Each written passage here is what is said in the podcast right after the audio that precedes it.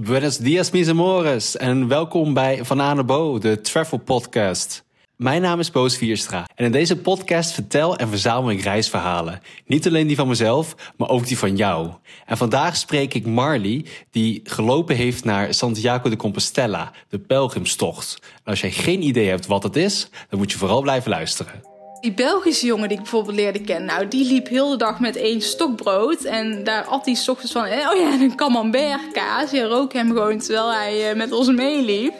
Een stuk camembert had hij dan aan zijn rugzak zitten en een stokbrood. Dat deed hij gewoon heel de dag mee. Maar Camilla en ik dachten van, nou ja, wij nemen het er wel van. Ik had goed gespaard.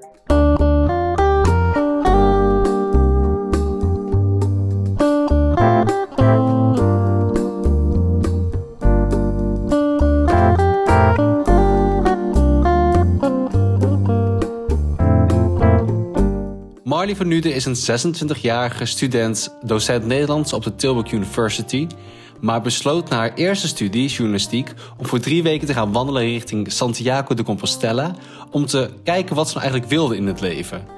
Uh, en Marley, hoe goed heb je eigenlijk voorbereid voor deze tocht?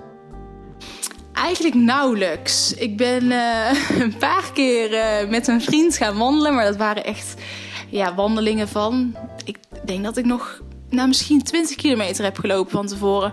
Maar ik heb nooit meer dan 20 kilometer eh, gelopen. Echt een paar keer geoefend. Maar eigenlijk leer je gewoon gaandeweg tijdens die tocht. Raak je eraan gewend aan het wandelen. En uh, ja, dus heb ik eigenlijk daar pas uh, geleerd om echt kilometers te En hoeveel loop je er op een dag? Ja, dat verschilde heel erg. De eerste dag was wel echt uh, heel pittig. Toen moest ik gelijk um, de Pyreneeën over. En het was een route die per se, je moest verplicht 28 kilometer lopen. Want daar was pas het eerste hostel. Dus um, ik begon al in Zuid-Frankrijk. En ik moest die avond, of die avond, en die dag moest ik... Um, ja, s ochtends vroeg zijn we vertrokken de Pyreneeën uh, op en naar beneden. En toen uh, halverwege de de afdaling zat er dus het eerste hostel pas. Het was een heel groot oud klooster. En uh, ja, ik weet niet, dat was echt uh, volgens mij wel met een man of honderd of zo, misschien wel meer, zaten we in dat oude klooster. En dat was dus het eerste punt waar je kon overnachten. Dus de eerste dag was 28 kilometer. En later ja, heb ik ook wel eens kortere dagen gehad, um, ook wel langere. Ja, ik heb uiteindelijk zelfs een keer nog 38 kilometer volgens mij gelopen. Dus het was gewoon heel wisselend. Je had zeg maar etappes. Yeah. En je moest gewoon rekening houden van waar ga ik slapen. En kun je, of kon je zelf wel uh, uitrekenen van waar zie je een hostel. Je had gewoon een routeboek waar al die hostels op stonden. En een vriendin van mij had een app. Uh, waar ze dat allemaal op kon zien. Maar soms waren er dus momenten dat je gewoon wel zoveel kilometer moest lopen mm -hmm. voor een volgende hostel. Dat je gewoon niet. Uh, um, ja, dat je daar rekening mee moest houden, zeg maar. Ja. En hoe, hoe, hoeveel wist jij al van die uh, tocht zelf, de pelgrimstocht? Want het is natuurlijk eigenlijk een religieuze bedoeling uh, om dat te gaan wandelen. Ja, klopt, inderdaad. Het is, uh, Wat wist je zelf over die tocht? Officieel wel echt een katholieke aangelegenheid. Um, ja, eigenlijk niet veel. Ja, wel gewoon dat al jaren, sinds de middeleeuwen volgens mij, gaan mensen daar gewoon naartoe als echt een bedevaartstocht. En um, ik uh, uiteindelijk toen ik in Santiago ben aangekomen, ben ik ook inderdaad naar het graf gegaan van uh, de heilige Jacobus, waar je dan uh, ja, waar de pelgrimstocht naar is vernoemd. En er waren ook zeker mensen die de tocht nog steeds vanuit religieuze redenen mm -hmm. bewandelden. Um... En voor de duidelijkheid, je kan overal beginnen in principe, toch, met die, met die tocht? Ja, je kan natuurlijk gewoon vanaf, uh, vanaf je huis uh, gaan lopen. Ik heb ook uh, toevallig een Belgische jongen leren kennen. Die was echt vanuit België helemaal naar Santiago gelopen. Maar ehm, ik heb er zelf voor gekozen dan in Zuid-Frankrijk te beginnen. En dat is ook een beetje de officiële beginplaats. Of de meeste pelgrims ontmoeten elkaar daar. En dan ga je de route, uh, de Camino del Frances lopen. Die heb ik dus gelopen. Maar je hebt bijvoorbeeld ook de Camino del Norte. En dat is dan, die loopt langs de kustlijn van... Uh, ja, volgens mij langs Bilbao komt hij daar, zeg maar, meer. En dan uiteindelijk komt hij in Santiago uit. En uh, ja, je hebt wel verschillende routes, maar eigenlijk de Camino del Frances die ik heb gelopen is wel echt de bekendste. Uh, en uh, de meeste mensen haken daar ergens op de route aan. Uh, en heel veel beginnen dus ook bij het officiële beginpunt Saint-Jean-Pied-de-Port, waar ik ook ben begonnen. En je hebt het hele stuk alleen gelopen? Nee, dat was uh, wel een beetje mijn plan. Want dat is trouwens ook nog, dat was eigenlijk ook een beetje het idee van uh, waarom ik ben gegaan. Ik wilde gewoon echt sowieso graag een keer iets alleen doen voor mezelf. En ehm, ja, dat ik dus wilde kijken van red ik mezelf wel alleen in het buitenland. Maar eigenlijk ben ik daar uiteindelijk geen moment alleen geweest. En dat vond ik ook wel echt heel erg leuk achteraf. Um, ik leerde tijdens de eerste dag bij het ontbijt een Deens meisje kennen die een aantal jaar ouder was dan ik. En uh, was gewoon gezellig van, uh, nou, uh, een gesprekje s ochtends bij het ontbijt. Van hoe heb je er zin in? Vind je het spannend? We gaan vandaag beginnen. En we, hadden, we wisten dat we gelijk de eerste dag echt de heftigste klim zouden te wachten staan. Dat we die Pyreneeën over moesten. En ja, dat, dat hoorden we al in het hostel waar we zaten, dat het best wel heftig was. Was je bang? Nee, niet bang. Maar ik, ik, had denk ik wel gewoon gezonde spanning. En uh, dat heb ik ook echt heel lang tijdens het, de eerste dag wandelen echt wel gevoeld. Zo van die kriebels in je onderbuik. Van uh, wow, ik ben het nu gewoon echt aan het doen. En ik heb hier al maanden naartoe geleefd. En nu is het dan eindelijk zover. Maar ja, toen ben ik dus wel gaan besluiten om met haar samen te gaan lopen. En um, dat was echt zo gezellig en het klikte zo erg dat we uiteindelijk samen helemaal hebben uitgelopen. En um, ja, er zijn ook wel eens momenten geweest dat ik dacht van... oeh, moet ik me nou even loskoppelen van haar? Moet ik het toch alleen gaan doen? Want dat was eigenlijk wel mijn plan. Maar achteraf gezien dacht ik van... Um, nee, we hebben het gewoon hartstikke leuk. En is ook... Je loopt in principe dezelfde route. En we liepen ook hetzelfde tempo. Dus als ik dan in één keer zou gaan stoppen... of, of zou gaan zeggen van laten we alleen gaan... dan zou je elkaar toch wel echt weer ergens tegenkomen. En nou ja, als je misschien echt alleen had willen lopen... dan had dat wel gekund. Maar... Um, ja, nee, ik heb, vind het uiteindelijk toch wel leuk dat ik met haar uh, samen heb gelopen. En hoe zit het dan met jouw eh, rest van hotels? Uh, en, of ja, hotels. Het zijn niet echt hotels waar je zit, toch? Want... Nee, het zijn echt hostels. Hostels. Ja.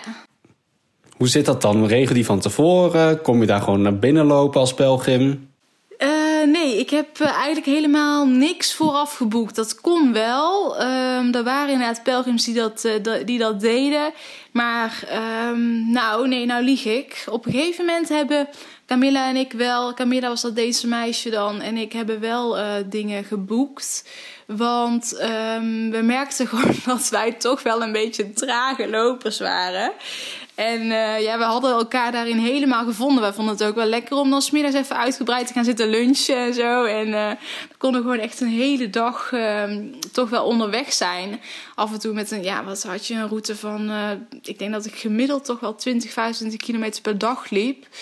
En ja, wij waren dan ook vaak degene die als laatste het hostel verlieten. En um, ook vaak als laatste aankwamen bij het volgende hostel. Zij dachten, ja, we moeten. Ik bedoel, ja, ik was daar niet echt om een wedstrijd te, te lopen. Maar op een gegeven moment kregen we dus wel eens te horen: ja, hostel is vol, dus ga maar naar de volgende. En um, ja, daar zit je dan soms niet op te wachten als je al een hele dag uh, hebt gelopen. Dus toen dachten we, hé, hey, we gaan toch maar alvast halverwege de route bellen van... hé, hey, kunnen wij hier vanavond slapen? En uh, dan hadden we een plekje wel gereserveerd. Maar ja, in principe gaan de meeste mensen gewoon lukraak lopen. Of je bedenkt ochtends wel van zo ver wil ik lopen. Want je moet eigenlijk wel ook rekening houden met de hostels op de route. Er waren soms gewoon echt plekken dat je even geen hostel uh, had. Um... En hoe zit dat dan met uh, de route zelf? Die, die, die route bestaat dus al uh, honderden ja. jaren. Maar hoe zoek je dat zelf uit? Zijn er gewoon bordjes? Volg je gewoon. Uh... Ja, er zijn hele herkenbare bordjes. Blauwe bordjes met een gele Sint-Jacobs schelp erop. die je dan moest volgen. Uh, maar de meeste mensen werkten ook nog met daarbij een routeboek. Ik had vanuit Nederland een routeboek gekocht. En Camilla, dat meisje met wie ik dus samenliep, ze had zelfs een app. Dus de echte luxe pelgrims van tegenwoordig lopen gewoon met een app. Maar ik dacht serieus dat ik met mijn boekje, met mijn routeboek, was ik eigenlijk gewoon van plan om de route te gaan uitstippelen. En daar staan ook allemaal precies alle plekken in waar de hostels zijn. Dat was mijn idee. Maar toen kwam ik Camilla tegen. En uh, die zat iedere dag op de app alles uit te stippelen. Dus het was voor mij ook wel relaxed dat ik daar gewoon een beetje op kon leunen. Maar um, ja, dus in principe kun je gewoon uh, En hoe druk is het op sommige eh, de paden dan? Ja, oh, het einde was wel echt heftig hoor. Uh, dat laatste, die laatste 100 kilometer. Oh ja, dat bleek dus in Spanje zo te zijn. Dat daar studenten in Spanje, die kunnen als zij de laatste 100 kilometer lopen, een soort van, weet ik veel, papiertje halen. En dat staat dan heel goed op hun cv. Als ze de laatste 100 kilometer lopen, dat is in Spanje dus blijkbaar best wel een ding. Heel veel Spaanse jongeren doen dat. En uh, ja, dus waar het in het begin echt best wel rustig was en echt gewoon stukken dat we alleen, bijna alleen liepen. En toen was in één keer met die laatste 100 kilometer echt alsof we met een optocht naar Santiago liepen. Dat vond ik echt heel naar. En loop je dan dwars door de natuur? Of loop je door steden, dorpen? Wat, wat voor pad? Het is gewoon een wandelpad of is het langs de weg? Ik, Ja, nou, het is heel wisselend. Het is echt inderdaad een, een wandelpad. Uh, ja, wat natuurlijk begon dan uh, door de Pyreneeën de eerste dag. Dat vond ik echt eigenlijk wel de mooiste dag. Dat je ja, gewoon aan het stijgen bent. En op een gegeven moment was het ijskoud. En dat je ja, zou, is dat dan bijna tegen de wolken aan? Ik weet het niet, maar het was zo mistig. En dat was echt zo hoog. En op een gegeven moment dan die Pyreneeën af. En um, ja, heel veel door de natuur, maar ook door een aantal bekende steden. Uh, Pamplona ben ik geweest. Uh, Leon, Burgos. Uh, ja, waar ben ik nog, nog een aantal van die grote steden heb ik gehad. Uh, maar voornamelijk toch wel veel natuur. Maar ook wel echt stukken langs de snelweg. Dat je echt, uh, dat die route gewoon uh, helaas langs de snelweg was uh, uitgestippeld. Dat was wel jammer. Wat wel heel grappig was, dat er inderdaad van die vrachtwagens allemaal aan het toeteren waren. En ja. Want die herkenden dan wel dat daar pelgrims, of ja, ja. pelgrims, maar inderdaad, van ja, pelgrims inderdaad eigenlijk. Uh, zo noemden we onszelf wel. Ja. Pellegrino was het volgens mij.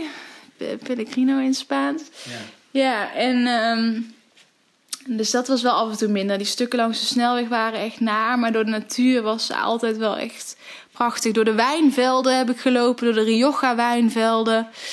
Uh, er was ook een plek waar je zelfs uh, Rioja wijn uit de muur kon halen. Dat was een oh, van de. Oh, oh. waar is gratis, dat? Waar is dat? uit de muur kon halen. Ik weet niet meer precies, maar dat was. Uh, ja, bij die Rioja. Nou, dan moet ik hem ook maar gaan lopen, denk ik. echt fantastisch, ja. dat is gewoon gratis een flesje wijn uit de muur getrokken. Een flesje, plastic flesje. En heb ik heel mijn reis lekker aan zitten nippen. Toen kan ik me nog wel herinneren, ja. Dus uh, oh. ja, het was uh, echt heel wisselend. Wat was de mooiste route? De mooiste, mooiste dag? Um, ja, ik denk dat ik toch wel gewoon die eerste dag was voor mij wel echt het mooiste. Omdat natuurlijk, je hebt echt gewoon helemaal kriebels in je buik van... oh, nu is het eindelijk zover. En um, uh, ja, dat gedeelte van de Pyreneeën vond ik ook wel gewoon vet. Dat stijgen was wel zwaar en het dalen eigenlijk net zo goed. Uh, Had je wel mooi uitzicht? dat je gewoon letterlijk mooi uitzicht inderdaad. Het idee dat je letterlijk over de Pyreneeën in één dag heen stapt... is ook gewoon wel een vet idee of zo. En uh, dus ja, ik denk dat ik die eerste dag wel echt het mooiste vond. Maar ik heb ook zeker genoten van, uh, van de steden. Oh ja, Logroño was nog een stad waar ik ben geweest. En um, ja, tussendoor gewoon prachtige natuur en bergen. En uh, ja, ik, ik, ik, vond gewoon echt de vrijheid van het wandelen en door de natuur. Daar heb ik echt heel erg uh, van genoten met zo'n rugzakje. Ja, want je loopt dus met een, in jouw geval gewoon een, een klein rugzakje liep jij de hele tocht. Ja. Dus je had een paar kledingstukken bij je, wat schoenen. Ja. En dan was je dat s'avonds uit. Ja, ja, dat was wel echt uh, primitief leven dat betreft. Ik had een rugzakje van 7 kilo en uh, echt zo min mogelijk meegenomen. Uh, volgens mij had ik een leesboek en mijn routeboek en voor de rest een paar kledingstukken en mijn Birkenstocks slippers. Wat ik ook uiteindelijk heel erg blij mee was. Want in het begin had ik nog de fout gemaakt om mijn sokken te wassen. En uh, die waren dus de volgende dag nog nat. En ja, je moet natuurlijk niet met natte sokken gaan lopen, want dat is vragen om blaren. Dus uh, toen heb ik uh, twee dagen ook nog wel eens met mijn Birkenstocks aan moeten wandelen. Omdat ik gewoon niet in die natte sokken kon. Oh ja, en ook nog heel leuk om dan je kleren, je wasgoed achter op je rugzak te laten drogen. Dus, uh, je was vast niet de enige uh, daarmee, toch? zeker niet de enige. Nee, dat hadden inderdaad Camilla en ik uh, hadden dat bij andere pelgrims afgekeken. Dachten, oh, ik was slim zo. Ja, lekker je was goed. lekker van je onderbroekjes aan je rugzak. Daar liep je te wandelen. Maar Ja, het was wel lekker primitief leven, maar ik vond het echt heerlijk om een keer zo te leven. Het was echt. En wat heb je meegekregen van de mensen daar zelf en van de cultuur? Of heb je vooral genoten van de, van de natuur die je zag? Ja, daar heb ik inderdaad wel echt het meeste van genoten van de natuur. Maar ook wel inderdaad van de gesprekken met de mensen die je allemaal tegenkomt. Uh, ja, je bent gewoon heel de dag onder de mensen. En met iedereen die langskomt, maak je even een praatje. Nou, iedereen is misschien overdreven, maar ja, van hey, where are you from? En uh, dat soort dingen. Gewoon even bijkletsen. En um, ja, ik heb er ook echt wel in, in die paar weken een aantal vrienden uh, op nagehouden. En um, dat vond ik wel tof. Dat je van mensen van over heel de wereld leert kennen in een paar weken tijd. Van Japanners tot Amerikanen tot weet ik veel waar ze, Zuid-Afrikanen. Iedereen kan van over heel de wereld om die tocht te wandelen. En dat is gewoon zo bijzonder saamhorigheidsgevoel wat je had. En uh, iedereen zat in hetzelfde schuitje. En iedereen had een eigen reden waarom die, die tocht is gaan lopen. En um, ja, de meeste inderdaad wel weet je, vanwege spirituele redenen en uh, nadenken en even tot jezelf komen. En dat is eigenlijk wat ik ook wel had van wat wil ik nou met mijn leven? wat ga ik nou in mijn toekomst doen? Wat, wat, als je dan zo'n zo, zo'n dag had, hè, dat je dus 38 kilometer, dat was misschien dan de Dat was wel een, eh, was echt mijn langste. Dan je nog 30 kilometer moest gaan wandelen op een dag. Wat doe je dan op zo'n dag? Je vertrekt uit het hostel s ochtends en... Um, nou ja, Camilla en ik gingen dus ook soms nog wel eens even lekker ergens ontbijten s ochtends. Ja, ik dacht, hallo, het is wel vakantie, ik moet het er wel van nemen. Maar uh, die Belgische jongen die ik bijvoorbeeld leerde kennen, nou, die liep heel de dag met één stokbrood. En daar at hij s ochtends van, eh, oh ja, een camembert kaas. Je rook hem gewoon terwijl hij uh, met ons meeliep. Een stuk camembert had hij dan aan zijn rugzak zitten en een stokbrood. Dat deed hij gewoon heel de dag mee. Maar Camilla en ik dachten van, nou ja, wij nemen het er wel van. Ik had goed gespaard. Ik had echt uh, even een paar maanden gewerkt. En uh, ik dacht, ik moet ook wel een beetje genieten. Het is niet alleen maar afzien. Want het was af en toe ook echt afzien. Maar, uh, dus ja, dan uh, ga je gewoon op een gegeven moment wandelen. En heb je je ontbijtje op in een cafeetje. Ja, zo'n standaard Spaanse ontbijtje. Lekker croissantje en een koffietje en een jus d'orange. En dan ga je beginnen. Croissantje is niet echt Spaans, maar... Um, nou ja, dan ga je een aantal, uh, ga je een stuk, uh, flink stuk lopen. En op een gegeven moment deden wij vaak ook nog wel eens uh, ergens een koffietje tussendoor. En dan keek ik wel heel de tijd uit naar de lunch. Het was ook echt een soort van ja, eet, eetfestijn qua dat we heel erg uitkeken naar, oh, en smiddags een keer een biertje tussendoor. En ja, dat, trouwens, dat biertje tussendoor heb ik niet heel vaak gedaan. Want ik merkte toch wel dat dat het eh, lopen wel uh, zwaarder maakte. Maar uh, het idee van een biertje bij het hostel, dat was ook wel echt altijd uh, fantastisch. Als, het, als die tocht voorbij is, dan gaan we een biertje pakken. Dus het was ook wel bourgondisch genieten tussendoor. ja, zeker wel. Ja, daar hou ik gewoon sowieso wel van. Maar dat heb ik daar ook wel echt doorgezet. En dan smiddags lekker lunchen met pasta. En dan s'avonds ik vaak toch ging je uit eten. Of ja, uit eten. Bij het hostel had je vaak wel iets te eten. Maar soms had je ook plekken waar je inderdaad wel restaurantjes had. En uh, dan had je dus ook een pelgrimsmenu. En dat kon je iedere avond uh, voor, voor een tientje kreeg je dat. En dat was dan een voorgerechtje, een uh, hoofdgerecht en een klein nagerechtje. En daarbij een halve liter wijn. Uh, dus dat was ook iedere avond sowieso een halve liter wijn. En we namen eigenlijk altijd standaard dat minuutje voor 10 euro. En ja, het was niet uh, het meest voedzame, maar uh, ja, was wel vaak wel een pastatje of zo als een hoofdgerecht. En wat fruit of zo als toetje en wat salade salade vooraf. En um, ja, daar keken we gewoon iedere keer naar uit, naar het lekkere eten ook. Zo maakte je dagen gewoon vol. En dan s'avonds ging je in het hostel uh, liggen te slapen. Tijdens het wandelen dan? Had je, muziek, had je muziek in? Ging je gewoon voor je uitstaren? Was je aan het nadenken? Um, ja, nou in het begin was het inderdaad vooral meer... was het echt wel tot mezelf komen en nadenken. En op een gegeven moment... Nou ja, gewoon, wat wil ik nou? Dat, dat was gewoon de vraag waar ik mee uh, op reis ben gegaan. Wat ga ik nou doen? Mm -hmm. Mijn uh, modejournalistieke droom is een beetje in duigen gevallen. Wat ik had altijd in mijn hoofd van misschien wil ik het onderwijs wel in. En dat heb ik gewoon eh, ja, daar, daarover lopen nadenken. Maar ook gewoon het beseffen van oh, wat een rijkdom en wat een, wat een geluk dat ik dit zo ja, mag, doen. kan doen. En uh, dat je met zo weinig spullen gewoon zo gelukkig kon zijn. Dat heb ik daar heel erg uh, geleerd. En wat heb ik het er goed thuis. En af en toe was het ook wel zeuren, want ik had ook wel wat pijntjes en dingetjes. Maar uh, ja, dus als ik alleen was, dan waren dat soort gedachten. Maar verder was het ook natuurlijk gewoon zoveel mogelijk samen met mensen wandelen en uh, verhalen van andere mensen aanhoren. Mm. En, um, en ook wel met muziek gewandeld hoor. Dat hadden we af en toe ook gewoon wel nodig. Dat we even lekker. Uh, ja. En wat was het, ja, je zei het net zelf eigenlijk al. Het mooiste wat, wat je daar dan dus hebt meegemaakt was die eerste twee dagen. Maar wat is nou het gekste wat je daar hebt meegemaakt? Het gekste moment of het gekste verhaal? Of...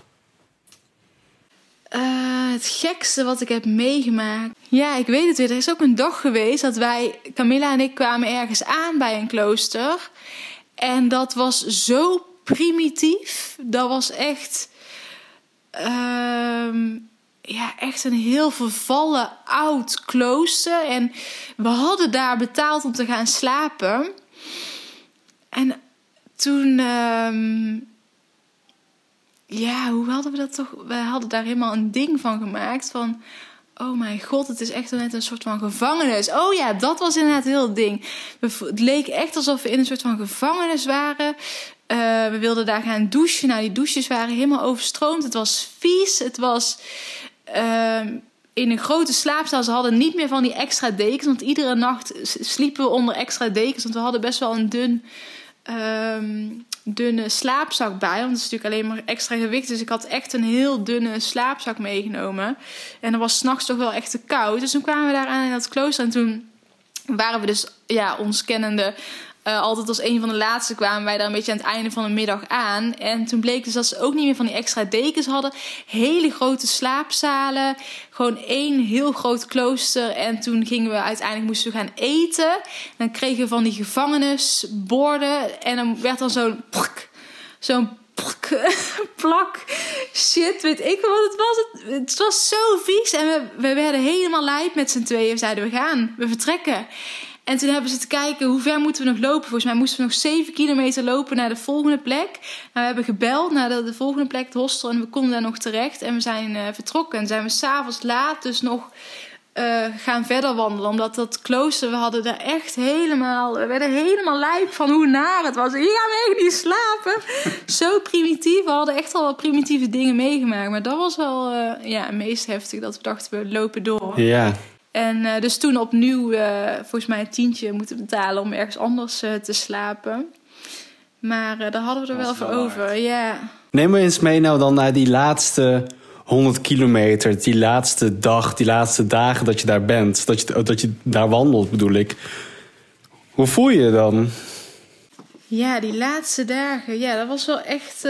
ik dacht wel echt van. Oh, het einde is bijna in zicht. Want je bent eigenlijk ja, aan de ene kant ben je gewoon gesloopt, omdat het best wel heftig is om zo lang achter elkaar, dagen achter elkaar te wandelen. Ehm, maar aan de andere kant is het natuurlijk ook gewoon, ja, voel je best wel uh, sterk en euforisch en trots dat je het gewoon bijna hebt uh, uitgelopen. 800 kilometer om precies te zijn in 34 dagen met twee rustdagen dan. Um, maar het idee van dat je, oh, eindelijk dat je dadelijk Santiago bereikt, dat was wel echt. Uh, ja, daar doe je het uh, uiteindelijk voor. En ik weet ook nog dat er helemaal een beetje een ding van werd gemaakt. Van, oh, zouden we emotioneel worden? Of, uh, de, ja, je, want je voelt al die tijd een soort van trots van... ik heb het daar gewoon bijna bereikt. En um, ik dacht ook wel van, oh nee, dat zal me niet overkomen. Want ik ben best wel een emotioneel mens van mezelf. Maar ik dacht van, nee hoor, dat vind ik onzin, dat is overdreven. Uh, maar echt inderdaad, toen ik Santiago binnenliep, dan, dan overvalt je echt zo'n gevoel van: oh my god, ik heb het gewoon echt bijna geflikt. En dat idee ging ik heel erg aan vasthouden. En toen moest ik ook wel een klein traantje wegpinken. Toen ik uiteindelijk uh, de kathedraal uh, zag staan, waar je dan uh, naartoe Want dat is het eindpunt. Dat is het eindpunt, ja.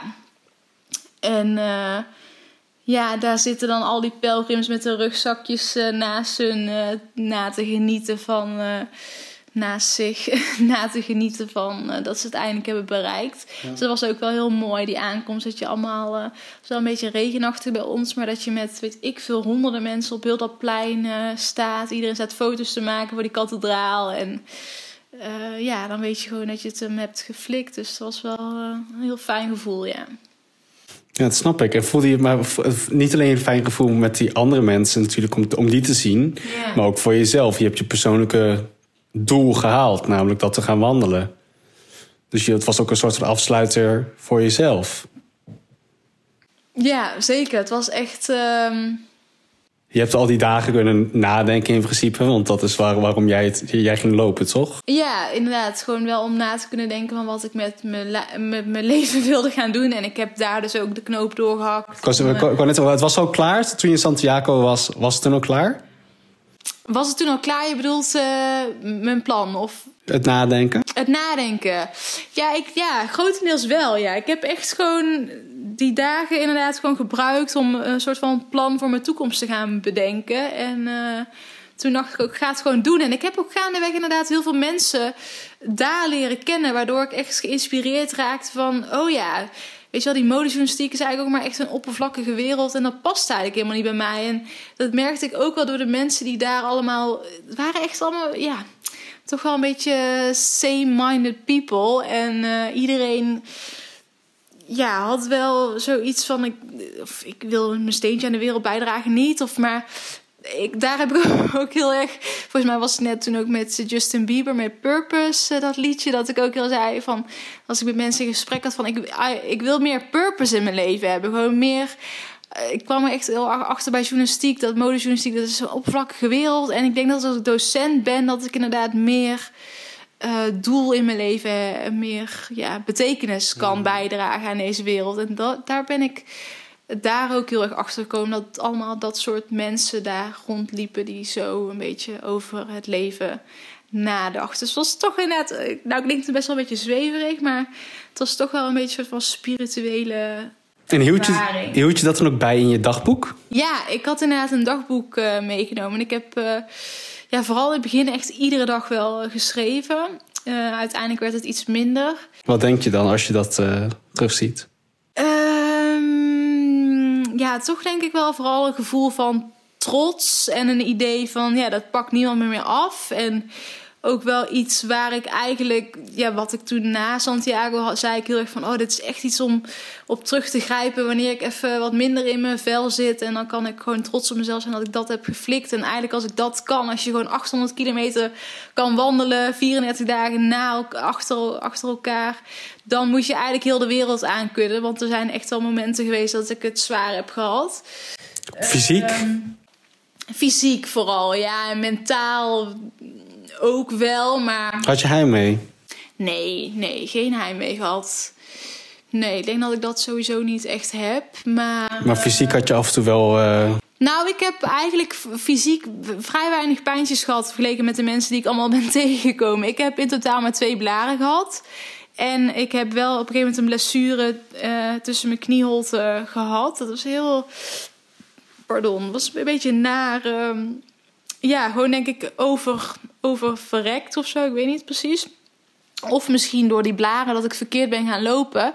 Maar toen heb ik ook een paar nachten echt slecht geslapen. Want ik kon mijn been volgens mij niet meer strekken of niet meer buigen. Eén van de twee. Heb ik in een bepaalde houding moeten liggen iedere keer. En uh, dat was ook wel het moment uh, dat ik toch heb besloten om ook een rustdag te pakken. En uh, Camilla, met wie ik dus samenliep, die zat helemaal onder de blaren. Dat ging maar niet over. En oh ja, zij heeft ook op een gegeven moment zelfs... Ik kreeg ook last van de knieën. Nee, van de um, scheenbenen. Springschenen hadden veel mensen ook last van. En uh, zij heeft toen op een gegeven moment zelfs haar rugzak laten vervoeren. Dat kon je ook doen. Als je het gewoon echt niet meer aankon, dan was er een service waarbij je je rugzak kon afleveren. En die um, ja, reden jouw rugzak dan alvast naar het volgende hostel. En dan kon je zelf gewoon zonder rugzak lopen. En dat heeft zij ook een paar keer moeten doen. Want uh, ja, zij was er toch wel echt zwaar aan toe. Dus ik, wat dat betreft heb ik echt geluk gehad. En raar dat ik zo weinig blaren heb uh, gehad. Dus uh, ja, wat, wat, waarom was het dan toch wel fysiek zwaar? Nou ja, er waren gewoon af en toe wel momenten dat ik dacht van waarom doe ik dit eigenlijk? Waarom ga ik hier als een gekkie eh, een paar dagen achter elkaar eh, lopen? En ook, ja, de nachten konden ook wel zwaar zijn. Het ligt misschien ook aan mij, omdat ik wel een lichte slaap of licht. Ik, eh, ja, niet heel diep kan. Ik kan niet goed tegen geluid en dingen. Ik moet het gewoon echt eh, stil hebben s'nachts. Maar ja, ik lag daar op slaapzalen met een mannen of weet ik veel. En allemaal van die snurkende oude mannen. Want er zijn ook vooral veel gepensioneerden die dit natuurlijk eh, gaan lopen. Maar eigenlijk waren wij wel een van de weinige jongeren die het deden. En ehm, aan het einde werd dat wel wat meer. Die laatste 100 kilometer waren ook heel veel Spaanse jongeren natuurlijk die het dan nog gingen lopen om dat bewijsje dan eh, in de wacht te slepen. Maar ehm, ja, dus dat, dat vond ik te afzien. Het idee van, oh, ik heb een korte nacht gehad. Oh ja, wat ook zo na was. Iedereen die mij kent, die weet dat ik... Ik ben echt geen ochtendmens. En eh, s ochtends moet je daar, moest je daar voor een bepaalde tijd altijd eh, de hostel uit zijn. Wat was het? Voor, nou, voor negen uur sowieso. Maar ik, volgens mij, ik denk voor acht uur zelfs. En er waren natuurlijk ook mensen, die heb je bijvoorbeeld met de Vierdaagse ook... die echt al om vijf, zes uur s ochtends begonnen. Dus ja, hoe laat gingen we naar bed? Ik denk een uur of tien of zo gingen we naar bed wel. En dan om vijf uur s ochtends vertrokken de eerste al. Ja, en daar word ik dan wakker van, omdat ik zo'n lichte slapen ben. Dus ik, dat, dat was vooral ook waar, waar ik soms chagrijnig van werd. Ja. Het lichte slapen.